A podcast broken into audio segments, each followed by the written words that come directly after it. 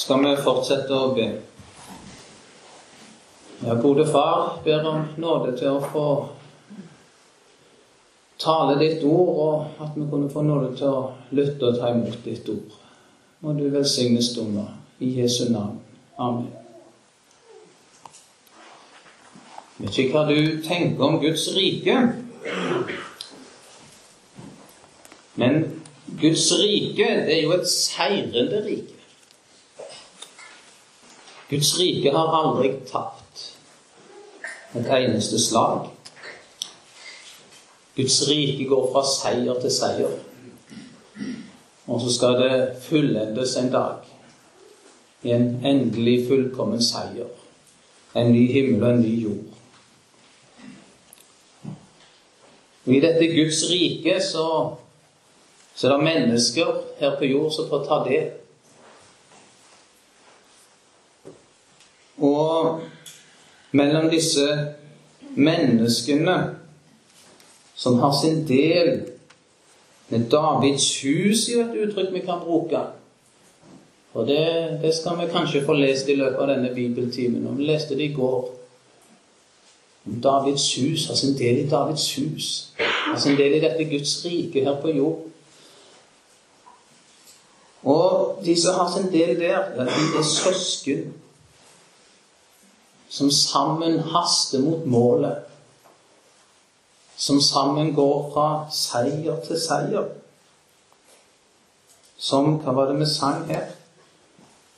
Som seg selv for intet akter. Og kun deretter trakter at Gud ham allting er. Og så lever en her på jord for hverandre. Sitt liv, seg sjøl lagt en for intet, og så lever en for Herren ved å leve for sin neste og hjelpe de andre mot målet. Sånn er det. Og så synes det vel kanskje ikke alltid sånn for oss. Nå hørte vi i går om at eh, en troende må regne med å lide ondt. og det står om Moses at han valgte å lide ond sammen med Guds folk. Og så fikk jeg eh, Ja, var det Wisløff jeg hørte nå i sommer, som sa noe om det? Som kasta et nytt lys over det, og det var jo så selvfølgelig, det lyset. Men sånn er det noen ganger med Guds ord. Men jeg har liksom ikke sett det før, for jeg har tenkt ja, Moses han valgte å lide ondt. Ja, for det var så mye ondt. Farao og fiender rundt og så mye motstand. Og så kunne han heller ha liksom vært på lag med farao og hatt det fint i Egypt. Og så sier Wisløff at ja, hva var det å lide ondt med Guds folk? Jo, det var å tåle alt det onde og alt det vanskelige som var midt i dette Guds folk. Hvor var det de store problemene var? Jo, det var inni folket. Det var ikke den ytre fienden som førte de i de største nederlag. Men det var vantroen og kjødeligheten i Guds folk. Og så valgte Moses likevel å lide om sammen med Guds folk. Og sånn er det. Guds rike, å få vandre sammen mot himmelen, ja, det er å vandre fra seier til seier. Men det er seire som tar seg så annerledes ut enn denne verdens seire. Og så må vi tåle å lide ondt i denne strid vi står i. Og så skulle vi i dag nå satte vi opp en liten oversikt over Davids sitt eh, her i går. Og i dag så skal vi stanse ved Jonathan. Eh, og se hvordan Jonathan er en som får komme David til hjelp på denne vandringen i Guds rike. Eh, og da skal vi begynne med å slå opp i eh, Første Samuels bok, kapittel 14.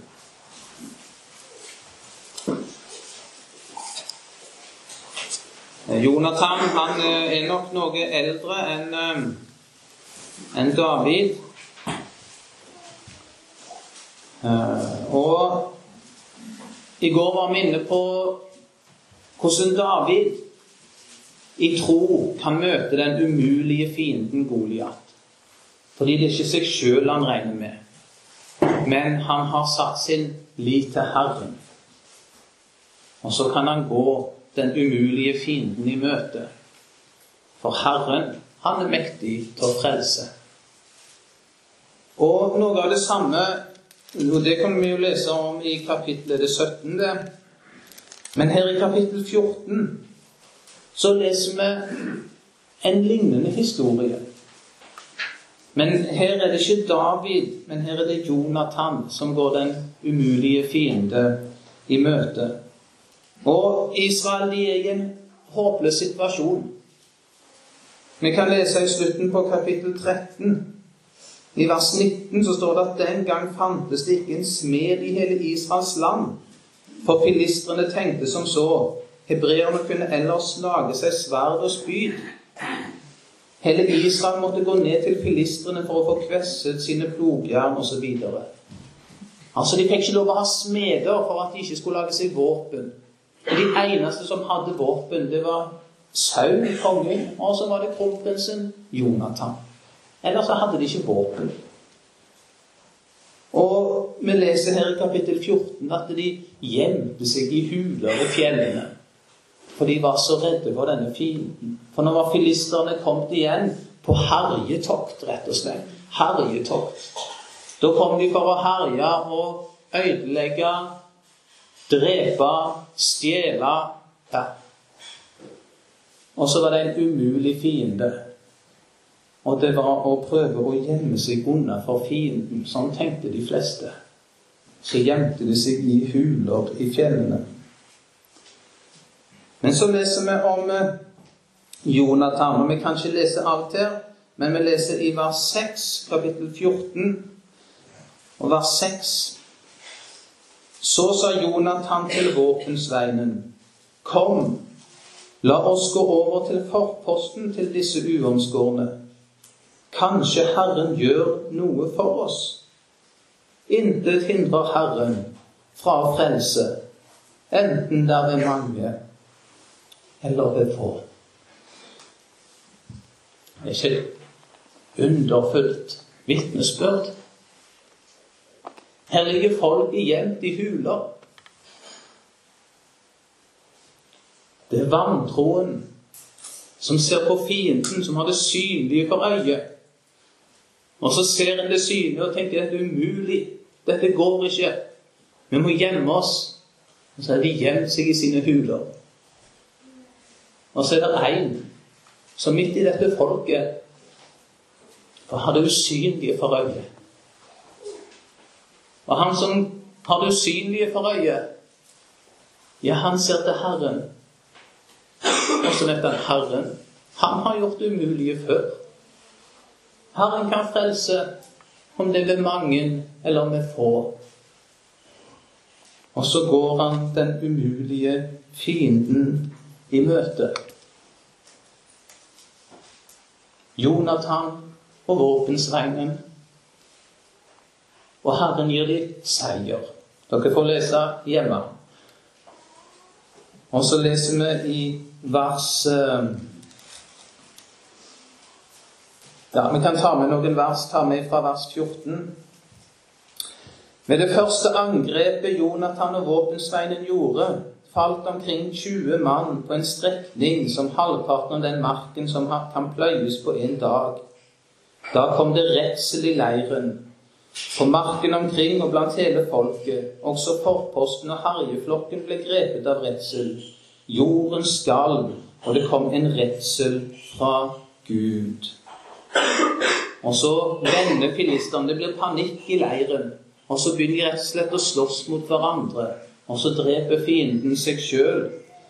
Og så leser vi i vers 23 at slik frelste Herren Israel denne dagen.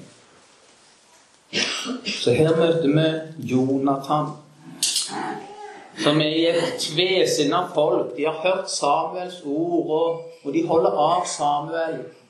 Og samtidig så vender de seg til denne verden og har det synlige for øyet. Og når fienden er for mektig over dem, så gjemmer de seg bort i vantro. Men så er det Jonathan som står fram i tro og tillit til Herren. Og så blar vi til kapittel 18. Og vi leste jo om det i går. Kan bare ta med det verset i kapittel 17 som vitner så fint om Davids tro og tillit til Herren. Kapittel 17 og vers 37. Så sa David, Herren som har fridd meg av løvens og bjørnens vold, han skal også fri meg av denne filisterens vold. Da sa Saul til David, gå og Herren være med deg. Ja, det samme med David går den umulige fienden i møte. For Herren, han har fridd meg før. Herren, han vil fri meg igjen. Og så leser vi kapittel 18, de første fire versene der. Etter Davids samtale med Saul ble Jonathans sjel knyttet til Davids sjel. Jonathan fikk ham kjær som sitt eget liv. Samme dag tok Saul ham til seg. Han lot ham ikke mer få vende tilbake til sin fars hus. Og Jonathan gjorde en pakt med David fordi han hadde ham skjær som sitt eget liv. Jonathan tok av seg den kappen han hadde på, og ga den til David. Likeså sine krigsklær, ja, også sverdet og buen og beltet. Først vers 1 sjeler som knyttes sammen. En som får leve i denne tro og tillit til Herren. Og så hører han David sine ord til Saul. Og så kjenner han igjen her er òg en som har sin tro og tillit hos Herren. Og så ble sjeler knyttet sammen. Og det er det som forener Guds folk. Vi forenes i Kristus. Og vi forenes gjennom å få høre og få se at de andre, de trenger Jesus akkurat som meg. Vi skal slå opp i 1. Johannes brev, kapittel 1.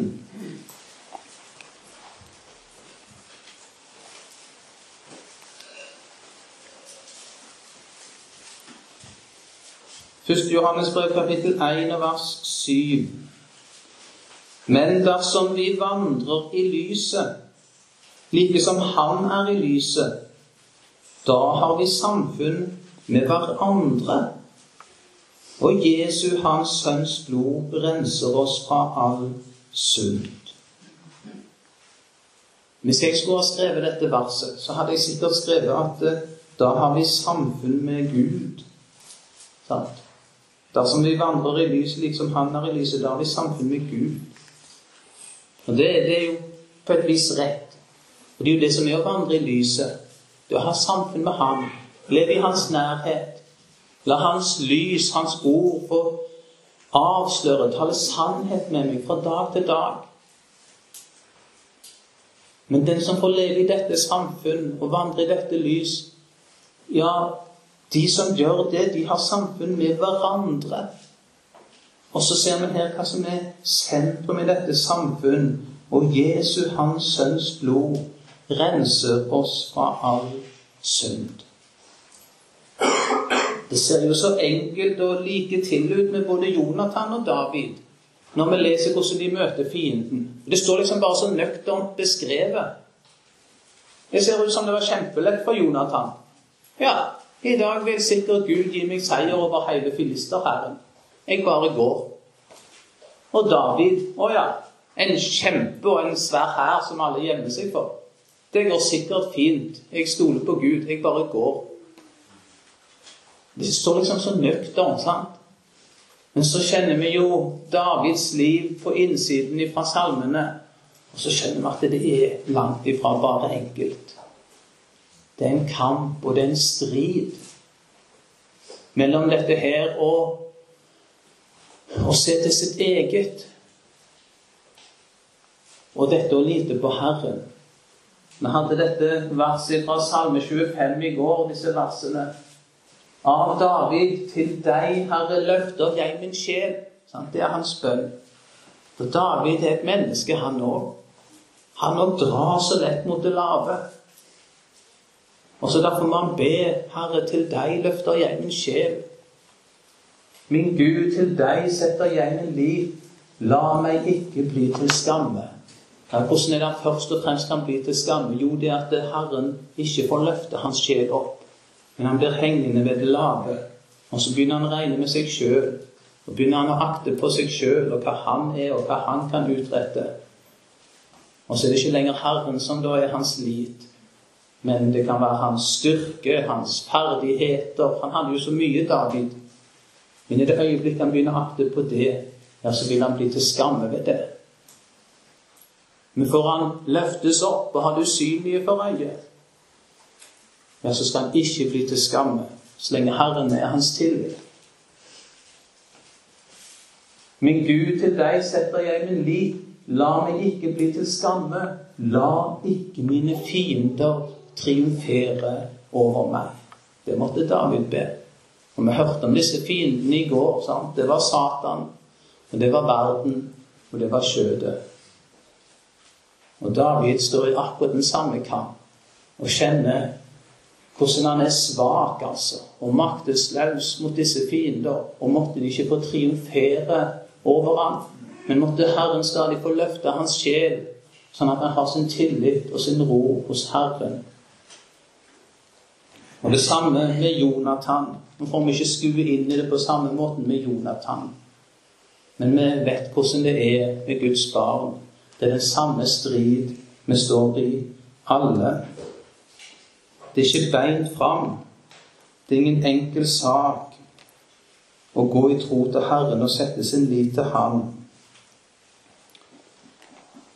Men når du får høre dette vitnesbyrd, og høre at det er en annen som òg trenger å få leve hos Jesus fra dag til dag, en annen som òg trenger syndens forlatelse, ja, så knyttes sjeler sammen. Det er så mye annet som kan falle seg naturlig for oss at skal knytte oss sammen. Vi kan bygge organisasjon, eller vi kan bli enige om hva meninger som er viktige, og som vi kan forenes om. Og ja, tusen ting vi mennesker kan på en måte legge som en grunn som vi vil bygge vårt fellesskap på. Så vi kan stå sammen. Men det er bare én ting som forener Guds rike. Og det er samfunnet Jesus Kristus, renselsen i hans blod. Skjener knyttes sammen. Og Da må jeg òg si at i kveld skal det være vitnemøte. Har du fått et ord som har vært deg til til hjelp, noe du har fått gå med. Og liksom ja, funnet trøst i, fått tukt av. Et eller annet som du har fått bære med deg, som har vært deg til hjelp. Ja, vær frimodig, og del det videre med de andre. For det ordet ditt, ja, det kan få bli den andre til hjelp. Men òg dette med at sjeler knyttes sammen. At vi får høre ditt vitnesbyrd. Og så hører vi at dere òg ei som trenger Jesus. Så kjekt å høre at hun trenger Jesus. Ja, så, så blir vi glad, og så knyttes sjeler sammen. Og en ting til med disse versene her i 1. Samuel 18, første versene. Vi ser noe underlig som Jonathan gjør her vers 3. Jonathan gjorde en pakt med David fordi han hadde ham kjær som sitt eget liv. Og så gir han sitt til David. Jonathan tok av seg den kappen han hadde på, og gav den til David. Likeså sine krigsklær, ja, også sverdet og buen og belte. Hva var det vi sang i sangen? Seg selv for intet akte. Det vi leser her, det er så opp ned i menneskers øyne. Og lenger nede her så leser vi jo hvordan Saul legger David for hat. Fordi David blir løfta høyere enn Saul av folket, ikke sant? Nede i vers 7 så synger de dansende kvinner. Saul har slått sine tusener, men David sine titusener. Da ble Saul meget vred, for dette ordet likte han dårlig. Sant? Det var feil. Ja, det var kong Saul som var den høyeste. Skulle jammen ikke noen komme her og løfter seg høyere enn han. Men så merker vi hos Jonathan et helt annet sinnelag. Og det er troens sinnelag. Den som har fått akte seg sjøl for død, som intet, og har sitt liv i Kristus, ja, den kan fortjene de andre. Og så tar kronprinsen Jonathan og gir kappen og sine krigsklær og sverdet og buen og beltet til det som i menneskers øyne skulle vært på en måte den bitreste fiende, David. Han som nå kommer og truer hans posisjon, hans stilling. Nei, Jonathan, han akter ikke seg sjøl for noe. Han ser Herrens vei i dette. Og så får han tjene David med dette. Og det vil jeg si og i våre liv så har vi fått våre tjenester i hjem, i samfunn, i menighet. Og så har vi fått ulike tjenester. Forskjell på far og mor i familien. Forskjell på barn og foreldre. Forskjell i menighet, forskjell i samfunn. Men hvis jeg skal holde på å vokte på min posisjon, som jeg syns jeg skulle ha, og på en måte prøve å sikre meg og holde de liksom Ja. ja da blir det kamp, ikke sant? Da blir det kamp om posisjoner, kamp om makt. Det kan bli familien, det kan bli menigheten. Og så skulle vi lære noe her av Jonathan. Han har fått se hva som er Davids tjeneste. At David er den utvalgte.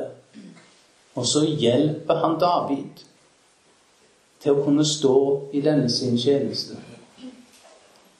Og det trenger vi alle til.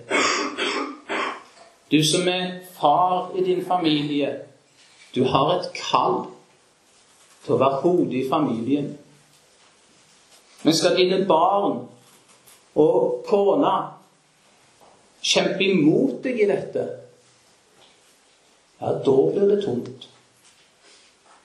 Da blir det strid. Og jeg kan garantere at du ikke vil lykkes særlig godt. Og så trenger jeg som far at jeg får hjelp. At jeg får hjelp av min kone, får hjelp av mine barn til å være det Gud har kalt meg til i min familie. Og så trenger min kone hjelp sant? når jeg synes at kjøkkenbenken skulle vært ryddigere hjemme. Hva gjør jeg da? Vet du hva jeg har lett for å gjøre? Jeg har lett for å ha litt sånn demonstrativ rydding. Sånn anklagende rydding. Sånn rydding som viser at jeg syns det skulle vært ryddigere på kjøkkenbenken, og det er egentlig ditt ansvar. Det er jo ikke sånn vi skal gjøre, ikke sant? Jeg skal ikke rette en anklagende finger. Nei, måtte jeg søke å hjelpe på en god måte. Det samme i menighet. Ja, Hvis du vil finne noe å ta forkynneren på, ja, så kan du sikkert snakke sammen med noen andre, og så finner dere sitter på det ene og det andre og det tredje. Så trenger du ikke høre på han lenger. For han har vi funnet så mye på. Eller om det er andre tjenester. Nei, vi trenger at vi hjelper hverandre. rettledet hverandre, at vi akter oss sjøl for intet og gir det vi har, for å hjelpe de andre i sin tjeneste. Jonathans sjel ble knytta til Davids sjel, fikk ham skjær som sitt eget liv, og så stilte han alt sitt til Davids disposisjon, til hjelp for ham.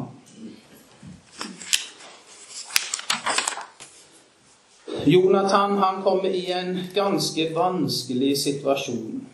For Saul han legger jo David virkelig for hat. Nå står han etter livet. Og vi skal lese noen første versene fra kapittel 19.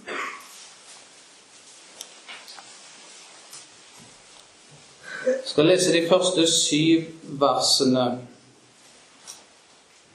Saul talte til sin sønn Jonathan og til alle sine tjenere om å få drept David. Men Jonathan, Sauls sønn, hadde David meget kjær. Og Jonathan fortalte det til David og sa, Saul, min far, søker å drepe deg.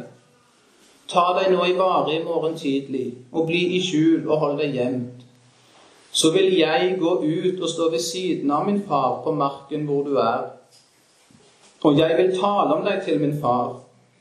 Merker jeg noe, så skal jeg si det til deg.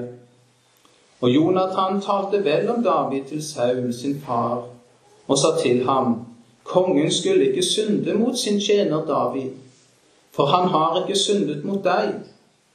Og det han har gjort, har vært til stor nytte for deg. Han satte livet på spill og slo filisteren, og Herren lot hele Israel vinne en stor seier. Du så det selv og gledet deg. Hvorfor vil du da gjøre synd mot uskyldig blod og drepe David uten grunn? Saul hørte på Jonathans ord og Saul sverget, så sant Herren lever, han skal ikke drepes. Da kalte Jonathan på David og fortalte ham alt dette. Og Jonathan førte David til Saul, og han var hos ham som før.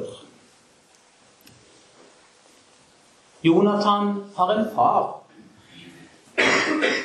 som Herren har sagt i sitt bud at han skal hedre og ære.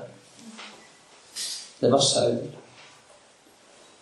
Og så har han en kjær kristen bror, David, som han har sett er den utvalgte, som han skal bøye seg for, som han skal hjelpe til å lykkes i det som Herren har kalt han til. Og så havner Jonathan i en veldig spenning, en veldig dragkamp her. Og jeg synes her vi får se hvor fint Jonathan søker å komme både Saul og David til hjelp. For her kommer virkelig Jonathan Saul til hjelp. For Saul har tenkt ut ondt. Han vil drepe David. Og så er det at eh, Jonathan han taler med Saul og han gjør det ikke på den anklagende måten som jeg gjør det med kjøkkenbenken. Men han, han gjør dette på en sånn måte at han får vendt Saul sitt sinn. Sånn at Saul angrer det onde han tenkte mot David. Og så får David igjen komme tilbake i Sauls hus. Og vi vet at David var jo sau til velsignelse. Han var sau til hjelp. Og sånn skal vi òg søke å komme de vi er satt sammen med, til hjelp. Onde som gode. Og Saul var nok ingen enkel far å søke å komme til hjelp.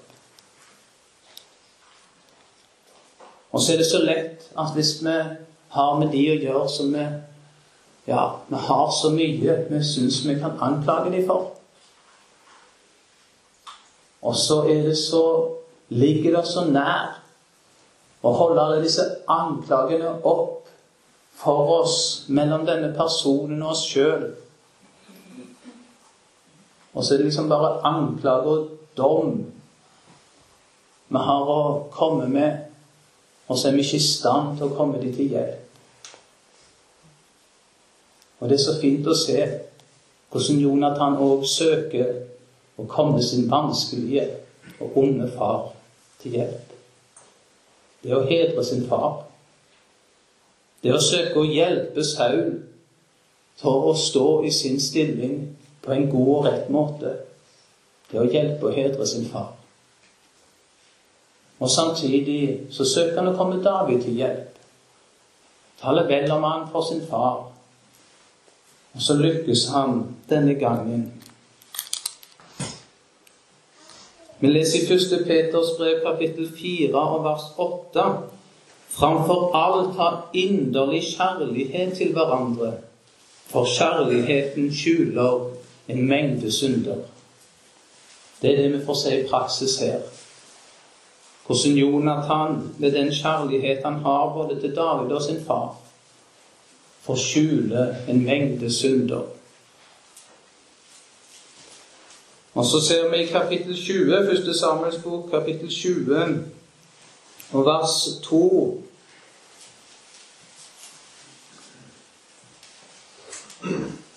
Um, hvis vi leser altså fra Det står litt uh, andre tredje setningen der, så sier Jonathan Min far gjør aldri noe, verken stort eller smått, uten at han lar meg få vite det. Hvorfor skulle da min far skjule dette for meg? Altså, vi forstår at Jonathan, til tross for hvem hans far er, og hva hans far ønsker og vilje og retning er, så har Jonathan klart å få holde et fortrolig og godt forhold til sin far. Min far sier ingenting, gjør aldri noe, verken stort eller smått, uten at han lar meg få vite det. Vi skjønner at Jonathan får leve sånn at han kommer Saul til hjelp i stort og smått. Men denne gangen så, når vi kom til kapittel 20, eh, så er det jo at nå da Jon Saul på ny har gått inn for å få drept, eh, drept David. Eh, og Jonathan han prøver jo igjen å, å snakke med sin far, med Saul, for å få snudd hans sinnelag. Um, og vi leser i 1. Samuel kapittel 20, så leser vi vers 30.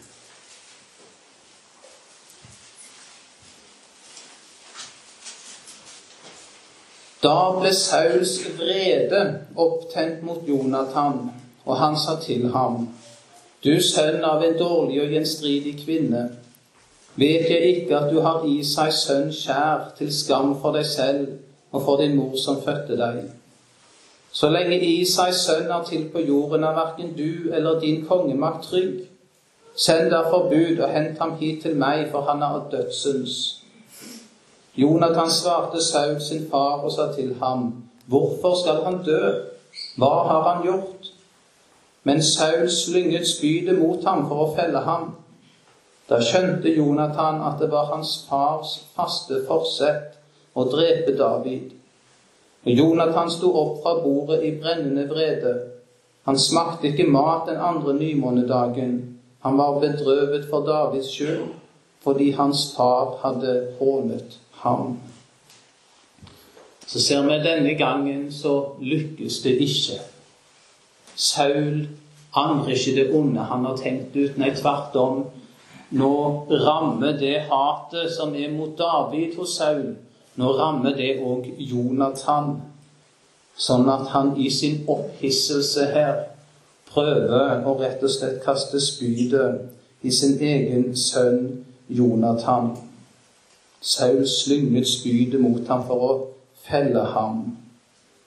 Og så leser vi at Jonathan sto opp fra bordet i brennende vrede. Denne vrede som er mot det, det onde, mot det ugudelige, når det får råde imellom oss. Og han var bedrøva for Davids skyld, fordi hans far hadde hånet ham.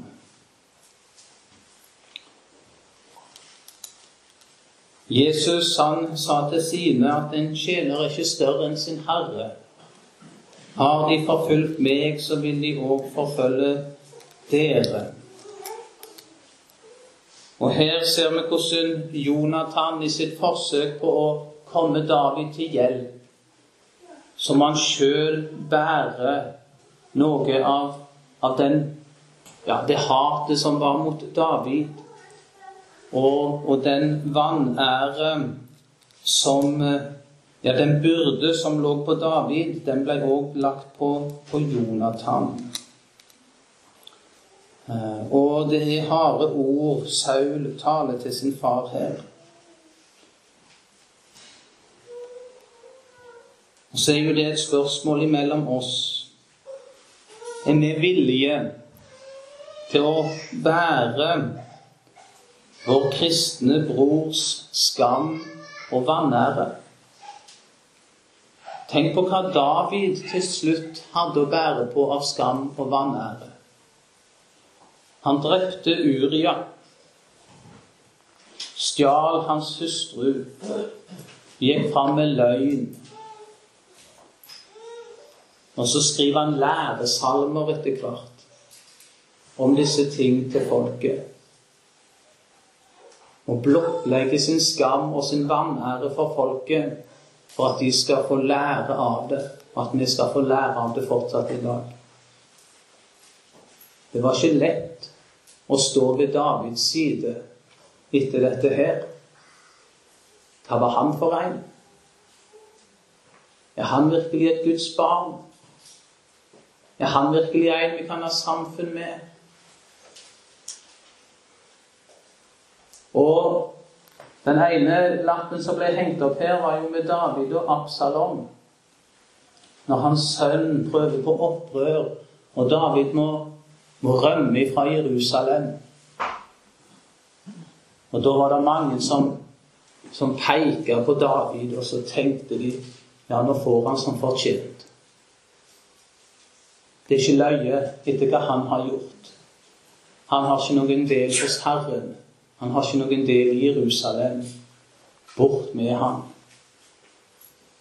Han måtte gå med sin skam og sin vanære. Er vi villige til å stå ved den som må bære skammen, vanære, bære den sammen med vår bror? Eller er det tryggest å få de litt på avstand? Sånn at det ikke skulle smitte over på oss, at noen skulle tenke at det skulle komme noe skam og vanære over meg, siden jeg står ved min brors side. Vi ser Jonathan er villig å stå ved Davids side og ta det som faller på David, det er Jonathan villig å ta på seg. Bær hverandres byrder og oppfyll på den måten Kristi lov. Hva er Kristi lov? Jo, det er å elske hverandre. Det er det bud Kristus har gitt oss, om å elske hverandre.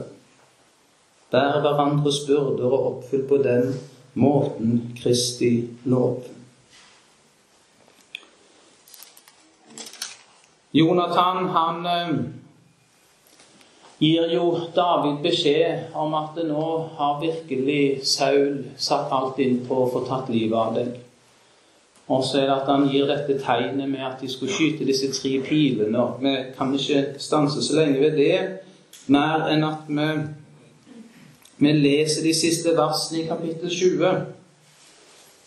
For tegnet var tenkt å gis i all skjul, så David skulle slippe å komme fram for faren var jo stor for at han skulle bli tatt og bli drept. Men så ser vi at, eh, at de klarer ikke å la være å møtes før David må flykte. Og vi leser fra vers 41 eh, i kapittel 20. Da gutten var gått, kom David fram på sørsiden av steinen. Han falt på sitt ansikt til jorden. Og bøyde seg tre ganger. De kysset hverandre og gråt begge, men David mest. Og Jonathan sa til David, gå bort i fred. Når det gjelder det vi to har tilsverget hverandre i Herrens navn, skal Herren for alltid være vitne om pakten mellom meg og deg, og mellom min ett og din ett. Så brøt David opp og gikk sin vei, men Jonathan gikk inn i byen. Ja, Vi ser den kjærlighet som var mellom disse troende brødre i denne avskjed før David må ta flukten, en flukt som varte i mange år.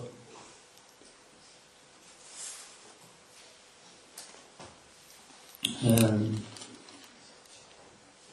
ja, vi blar videre. Vi går til kapittel 23. Og skal ta med når eh, Jonathan kommer til David i ørkenen, i Sivs ørken, der eh, David skjuler seg med sine menn. Da leser vi fra kapittel 23 og vers 14. Siden holdt David til i ørkenen, i fjellborgene. Han holdt til i fjellene i Sivs ørken. Saul lette etter ham hele tiden, men Gud gav ham ikke i hans hånd. David skjønte at Saul var dratt ut for å stå ham etter livet. Mens David var i skogen i Sivs ørken, dro Jonathan, Sauls sønn, av sted og kom til ham i skogen. Og han styrket hans mot i Gud. Han sa til ham, Vær ikke redd. Min far Sauls hånd skal ikke nå deg. Du skal bli konge over Israel, og jeg skal være den neste etter deg. Det vet også Saul, min far. Så gjorde de begge en pakt for Herrens åsyn. David ble i skogen, men Jonathan drog hjem igjen. Ja, nå spurte Finn videre i går trengte virkelig Timoteus disse oppmuntringer og disse ord, denne erfarne kristne jo, han trengte det. Og vi ser David, han trenger det òg, denne Guds mann. Han trengte at Jonathan kom til ham i skogen og styrket hans mor i Gud. Jonathan fikk komme og så være med å løfte blikket ifra alt dette vanskelige, alt dette synlige som var her i verden, og få løfte blikket sånn at det kunne igjen forvendes mot Herren og ha sin trøst og sin tillit og sitt feste i det han hadde hos Herren. Han fikk styrke hans mot i Gud. Og vi ser her hvordan Jonathan er så trygg i dette at det er David som er den utvalgte. Det er han som skal bli konge. Det er ikke Jonathan. Og jeg tenkte på, på døperen Johannes. Han var jo løfta så høyt, og det var så mange som hadde sett opp til ham og satt han høyt. Og så kommer Jesus, og så viker døperen til sides. Og vi ser jo noen av disiplene til døperen syns dette er vanskelig. At døperen skal vike til siden. Og så er det at, at Johannes sier disse ordene med at han skal vokse, jeg skal avta. Tenk Jonathan. Han er akta høyt. Etter seieren over filistrene, som vi leste først fra kapittel 14. Kronprinsen. En som går klokt fram. Men han stiger til sides. For David er den som skal vokse. Han skal avta.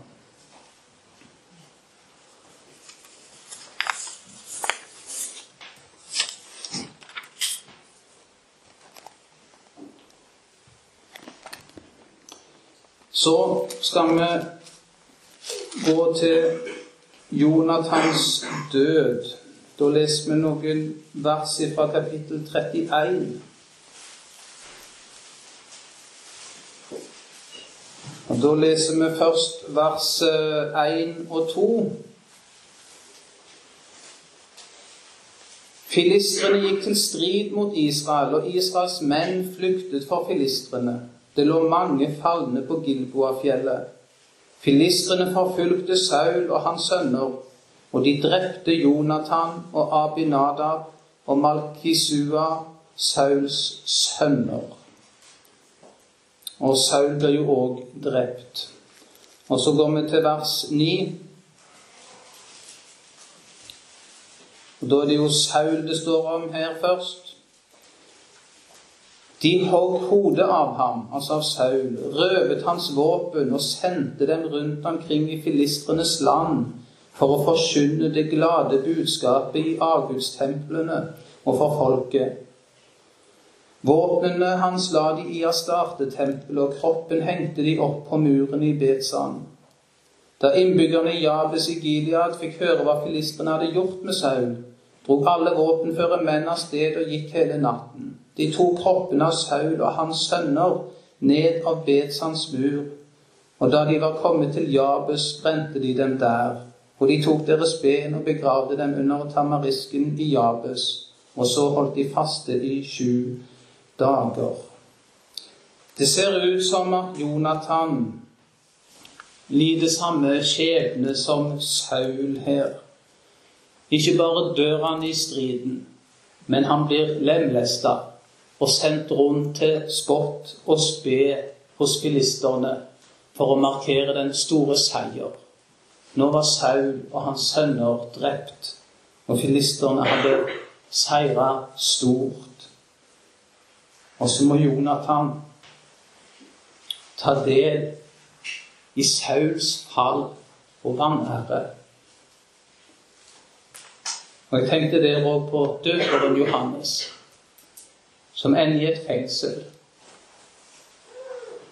og som til sport og vanære i en selskapslek blir kappa hodet. I denne verdens øyne så gikk det så dårlig, ikke sant? Men så skjønner vi at uh, i den usynlige verden det er altså annerledes. Der får Jonathan vinner en stor seier. Her var hans løp fullendt. Striden var ferdig. Målet var nådd. Og så blar vi over til andre Samuels bok, og så leser vi Davids ord. Vi leser bare slutten på kapittel 1. For David skriver en sang om Saul og Jonathan. Og så leser vi bare her vers 26. Hjertelig bedrøvet er jeg over deg, min bror Jonathan. Du var meg inderlig kjær.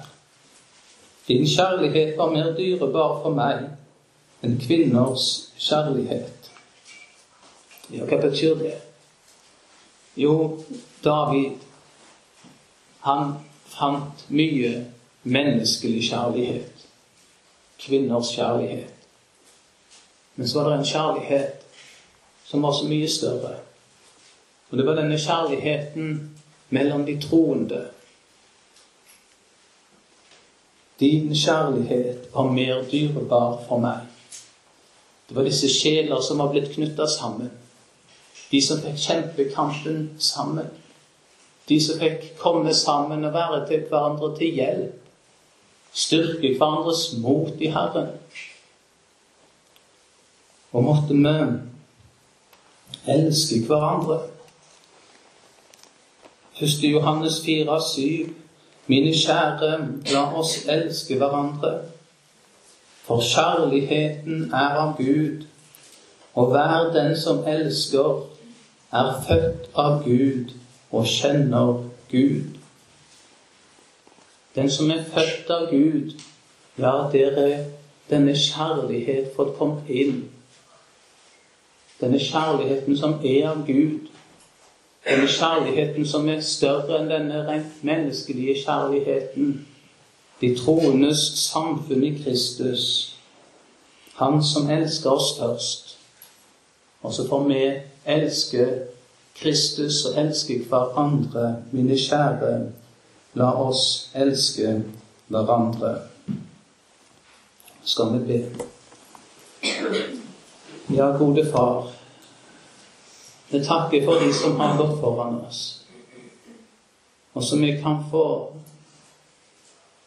lære dine veier av, Herre. Og vi ber om at uh, vi kunne få ligne Jonathan i dette at vi ikke akter oss sjøl for noe. Vi kunne få leve for de andre. Og så ber vi om at du måtte få opptenne din kjærlighet i oss, Jesus. Sånn at vi ved din nåde kunne settes i stand til å elske hverandre og komme hverandre til hjelp på vandringen. I Jesu navn.